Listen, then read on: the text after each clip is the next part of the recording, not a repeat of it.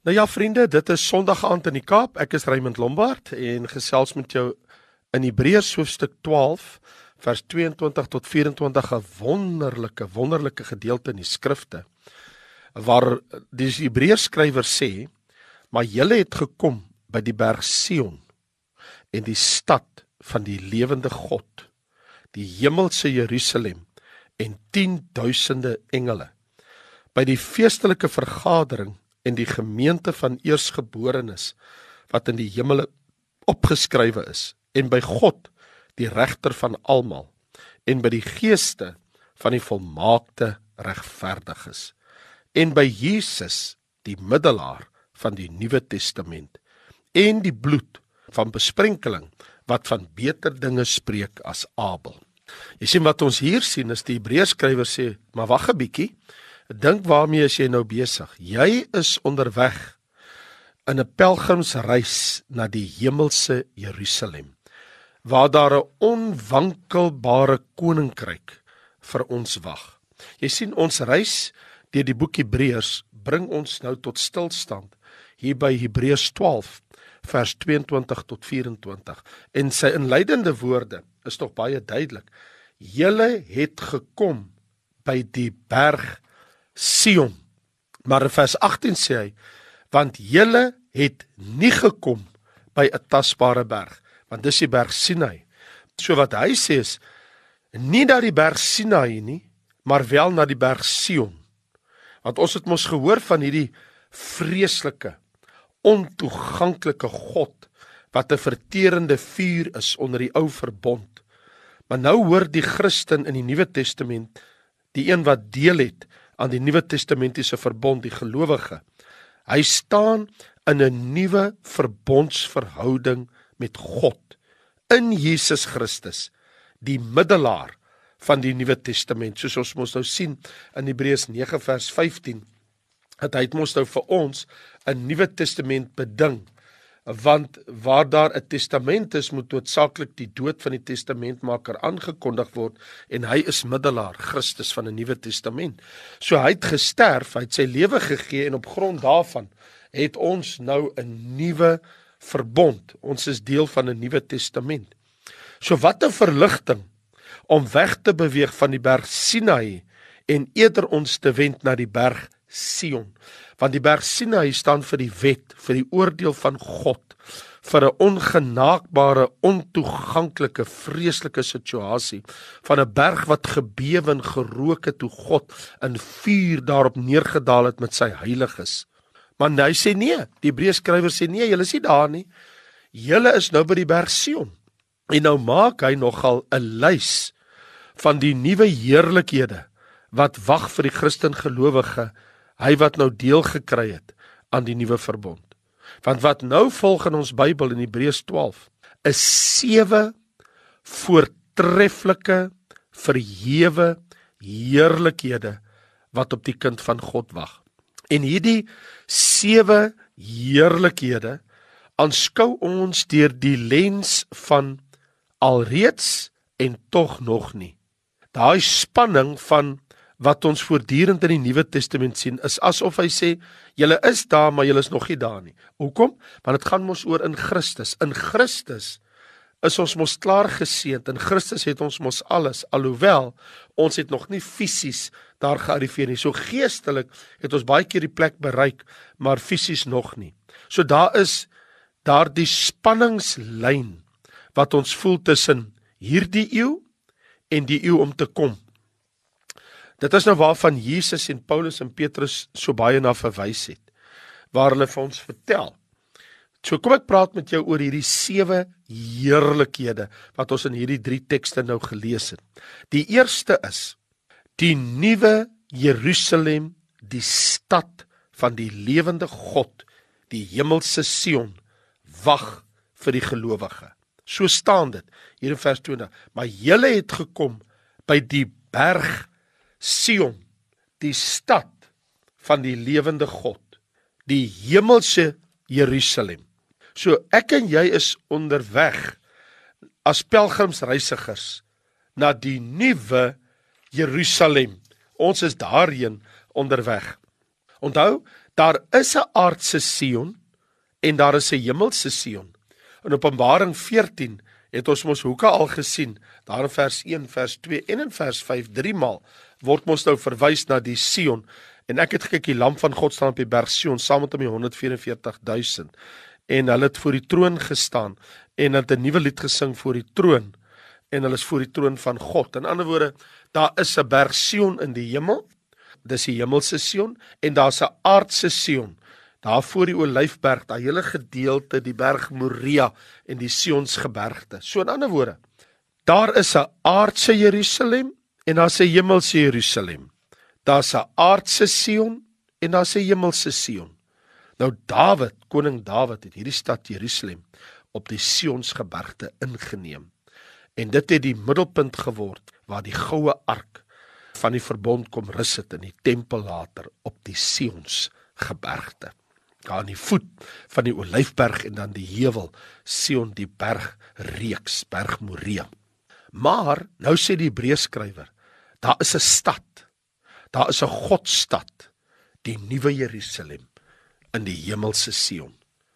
Want hy sê mos julle Christene sê Paulus in Filippense 3 vers 20 is nou burgers van daardie godstad in daardie plek. Hy sê mos wat ons burgerskap is in die hemele van waar ons as verlosser verwag ons se Here Jesus Christus. So ons het gekom by hierdie Sion en hierdie stad weens die feit dat ons in Christus Jesus is. Soos hy sê in Efesiërs 2 vers 6 dat jy in Christus is en nou al hierdie seëninge deelagtig geword het. So ek kan nou vir jou sê dat as 'n kind van God as 'n gelowige het ons nou by Sion die plek van seën uitgekom. Nie by Sinai die plek van oordeel nie. Daar was 'n groot verskil tussen die berg Sinai met sy oordeel en Sion met sy seën. En dit is hoekom hierdie plek so lyk dit soms vir ons ons wat eindelose myle van die lewensmaraton deel het en ons gaan deur al die onvermydelike hartbrekende heuwels en ons stop nie, ons gaan maar net aan en aan en aan in die lewe. Maar ons weet in hierdie vreemdelings pelgrimsreis as bywoners op die aarde is ons reeds in Christus Jesus in Sion. Ons moet nog net met ons lywe daar arriveer. Ons moet aan die einde van ons lewensreis daar kom, want as ons sterf, en ons word begrawe, dan gee die Here vir ons mos 'n hemelse liggaam. Maar staan ons in 1 Korintiërs 15 as aardse liggaam en hemelse liggame. So, dis hoekom ons soms praat van reeds en tog nie. So, reeds is ek in Christus, maar tog ek het nog nie gearriveer by Sion nie. So hierdie plek is die hart van God se koninkryk en daar sal hy vir ewig regeer vanuit die hemelse Jerusalem soos ons Openbaring 21 sien vers 2 en ek het die nuwe Jerusalem toeberei soos 'n bruid vir haar man gesien neerdal van God uit die hemel.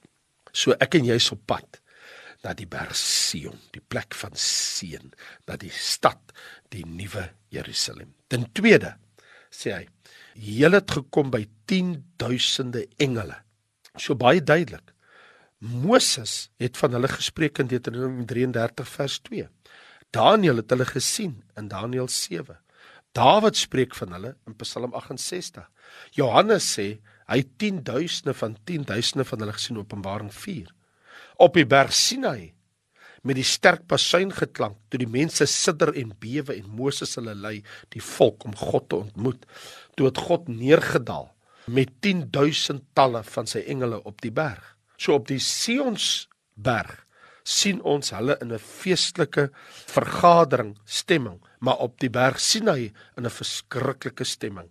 Want hierso staan mos in Hebreërs hoofstuk 12, jy het gekom by 10 duisende engele by die feestelike vergadering. So dis 'n plek van feesvieringe. In ander woorde, ons het gekom by 'n plek van blydskap en vreugde, nie van oordeel, trane en smart nie. So die tweede plek by wie ons kom is Ons kom nie net by die stad van die lewende God op die berg Sion nie. Ons kom ook by 10 duisende van engele. En dan lees ons die derde punt, die gemeente van eersgeborenes wat in die hemel geskrywe is. So Jesus is mos die eersgeborene. Dis hoekom die Bybel praat van ons in die Nuwe Testament as die gemeente van eersgeborenes. Want by uitnemendheid is hy die eersgeborene. In 'n woord, hy's in altyd in alles eerste. Hy's die eniggebore en eersgeborene. As ons sê eersgebore, bedoel ons hy's eerste in alles.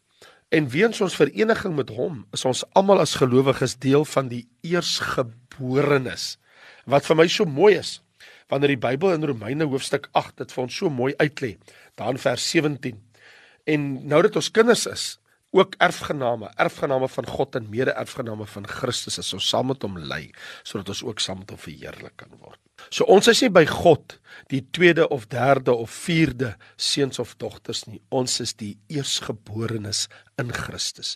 Ons name is reeds daar opgeskrywe as eersgeborenes. Daar staan mos die eersgeborenes wat in die hemel opgeskrywe is. So hulle name is reeds daar. Ons het die bevoordeelde posisie verkry in Christus almal wat aan Christus behoort is deel van die gemeente van eersgeborenes, deel van die gemeente van wedergeborenes, deel van die eersgeboorte reg te bekom in Christus, in Christus Jesus, die bruid van die lam, is ons deel van die gemeente van eersgeborenes. En dit bring ons by die hemelse Jerusalem, 10000de engele by die berg Sion, die berg van seën. En dan wat aangrypend is, die volgende woorde daar in Hebreërs 12 vers 23 sê: En by God, die regter van almal.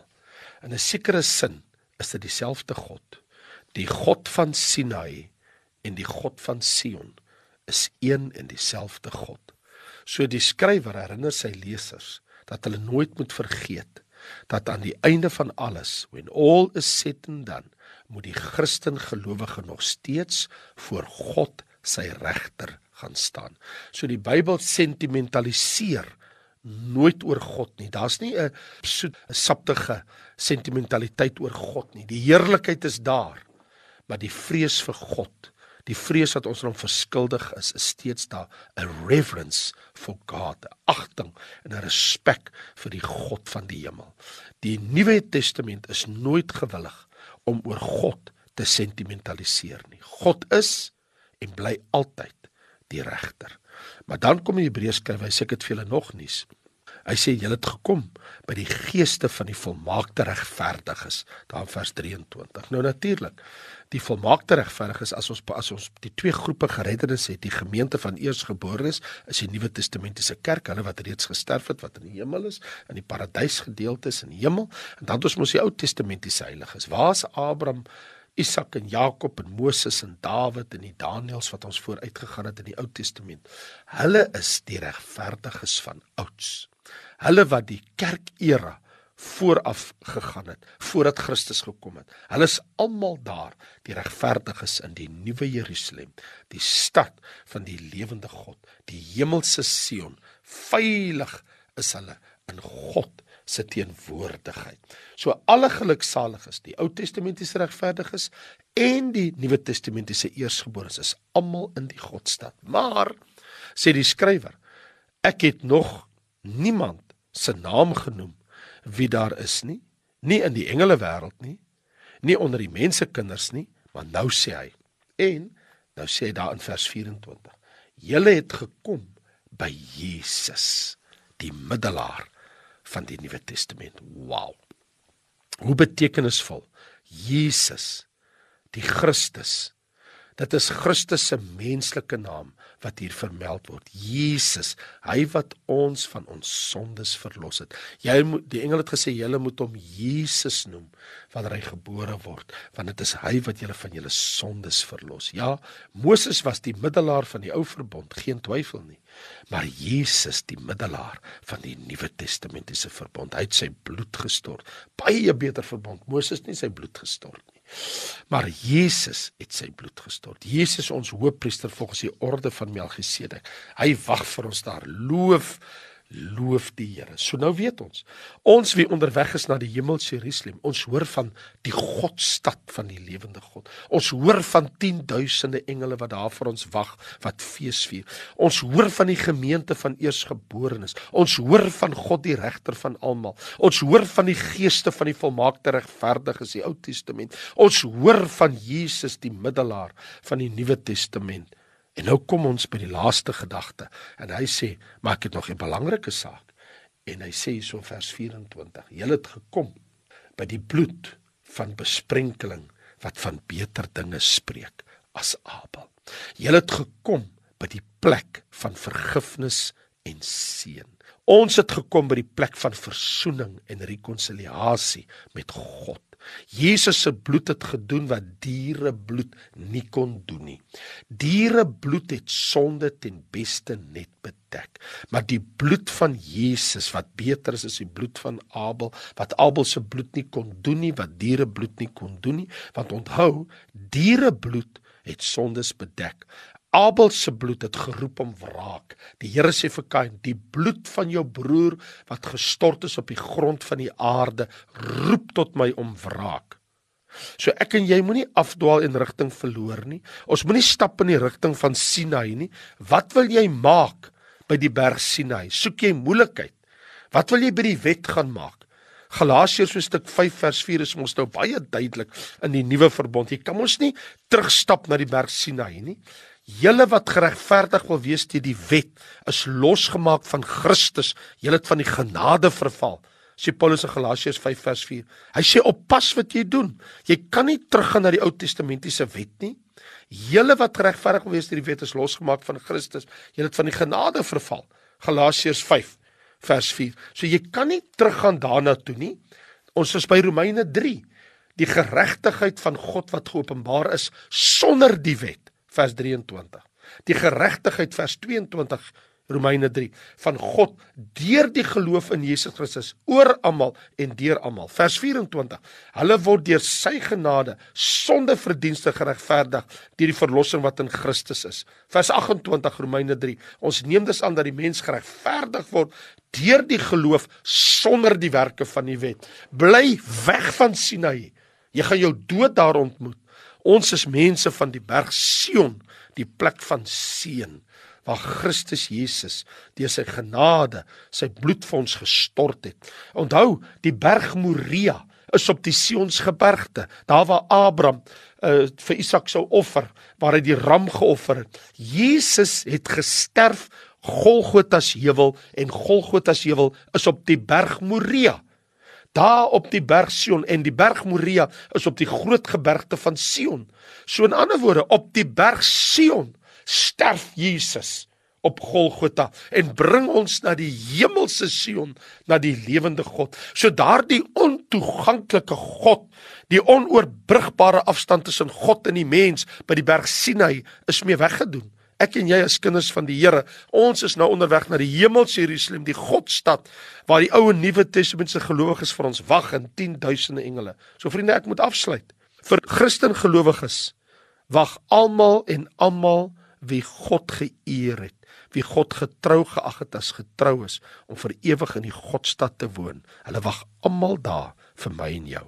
Dit is die plek waar ek en jy gaan arriveer as ons in Christus is, as sy bloed ons sondes weggewas het. Vader, ons dankie vir die berg Sion. O, oh, dis 'n baie beter plek as die berg Sinai. O, oh, Here, Dankie dat U ons bring na hierdie heerlike gebergte, die plek van seën en verlossing en vergifnis in Jesus en Golgotha en die plek van opstanding in die tuingraf en waar al hierdie heerlike seëning ons deel geword het soos wat daar staan in Efesiërs 1:3 geseënd is die God en Vader van ons Here Jesus wat ons geseën het met alle geestelike seënings in die hemele in Christus. Dankie Here vir hierdie wonderlike uitkyk, vir hierdie groot vreugde wat vir ons wag dat ons weet al hierdie heerlike dinge.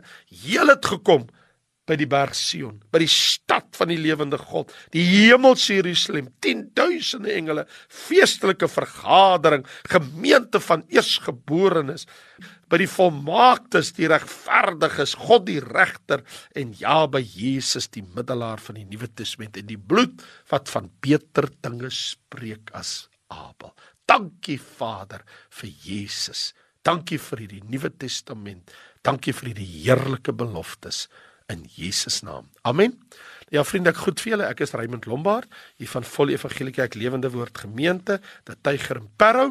Mag God jou seën. Onthou ons is daar oorkant Tygerberg Hoërskool. Kom kuier gerus daar vir ons. Die Here seën. Baie dankie en totsiens.